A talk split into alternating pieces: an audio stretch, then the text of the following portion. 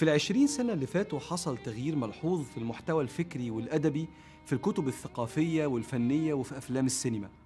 حصل ظهور واضح لدور صفاء الروح وأثره على سعادة الإنسان. واضح إن العالم وقادة الفكر رصدوا كم التعاسة الموجودة على الكرة الأرضية والظاهر جدا في نسب الاكتئاب والانتحار وانتشار المخاوف والقلق وقطيعة الرحم والانفصال بين الأزواج اللي أرقامه بقت مرعبة رغم التقدم التكنولوجي الهائل المنتشر في أرجاء الكون. والراصد لحال البشرية هيلاقي أغلب الناس يصحى الصبح يلبس يفطر ينزل يروح دراسته ولا الشغل لآخر اليوم. هي تودي العيال التمارين وترجع تغسل وتروق وتنام واللي عنده وقت بيقعد على القهوة ولا بيتعشى بره. كلها حاجات لخدمة البدلة. إيه البدلة دي؟ الجسم.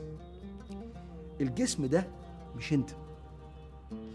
الجسم ده هو الوعاء اللي انت عايش فيه. أمال انت مين؟ انت الروح اللطيفة الربانية اللي لما دخلت في هذا القالب سجدت له الملائكة بأمر الله.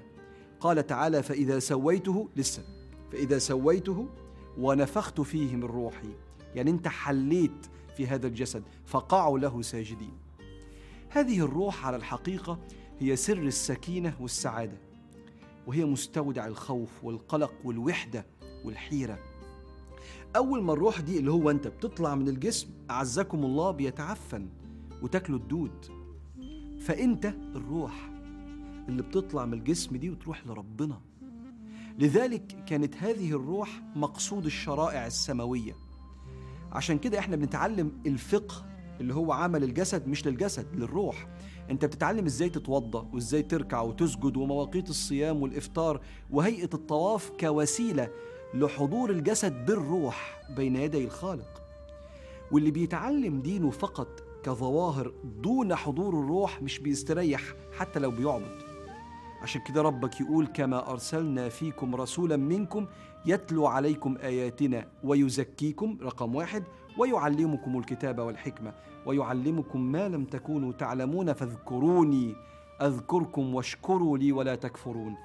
قمة الدقة في ترتيب أولويات الشريعة في الآية. أول حاجة يزكيكم قبل ما يعلمكم الكتاب والحكمة. والتزكية هي تنقية وتصفية الروح والارتقاء بها.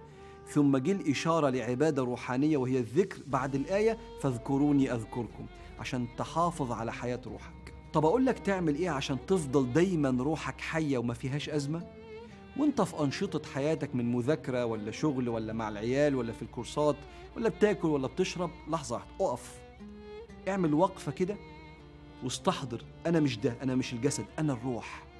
أنا بشتغل وبذاكر وب... وبربي وباكل وبشرب امتثالا لخالق الروح.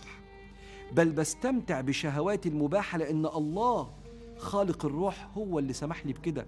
على فكرة هتفرق معاك جدا جدا في السكينة والروحانيات اللي هتحس بيها في أنشطة حياتك المختلفة. حاجة تانية واظب على صلواتك الخمسة بحضور روحك قدر الاستطاعة لأن الصلاة هي لحظة التأمل والسكون اللي بتستمد فيها من مصدر حياة روحك وهو الإقبال الرباني. حاجة كمان تالتة ورد بسيط من الذكر اليومي ولو لا إله إلا الله 100 100 مرة أو الصلاة على النبي عليه الصلاة والسلام 100 مرة. ده اللي بيسكن الروح ويطمنها من جوعها الشديد في وسط الحياة المادية. خد بالك إن الفواحش الأخلاقية والمنكرات السلوكية ما هي إلا شره وجوع من الجسد بعد استيلائه على الروح. والذكر بيعيد القوة لروحك عشان تقود المركب اللي انت راكبه هو جسمك. بسم الله الرحمن الرحيم. وأقم الصلاة. إن الصلاة تنهى عن الفحشاء والمنكر ولذكر الله أكبر. والله يعلم ما تصنعون. ومن أقوى أغذية الروح بلا منازع عمل الخير دون انتظار المقابل. عمل الخير لغيرك بينتزع جشع وطمع النفس. اللي غالبا هذا الجشع بينصب في خدمة المقتنيات والأشياء المادية. على حساب تحرر الروح وصفائها. ونظرة رضا من محتاج أو دمعة فرحة من مكروب أو كلمة شكر من حد كان في ضيق وانت فرجت عنه صدقني هتحيي روحك المنهكة من سرعة الحياة المادية. أنت مين؟ أنت الروح. فربنا يعنا على الحفاظ على هذه السكينة والسلامة الروحانية.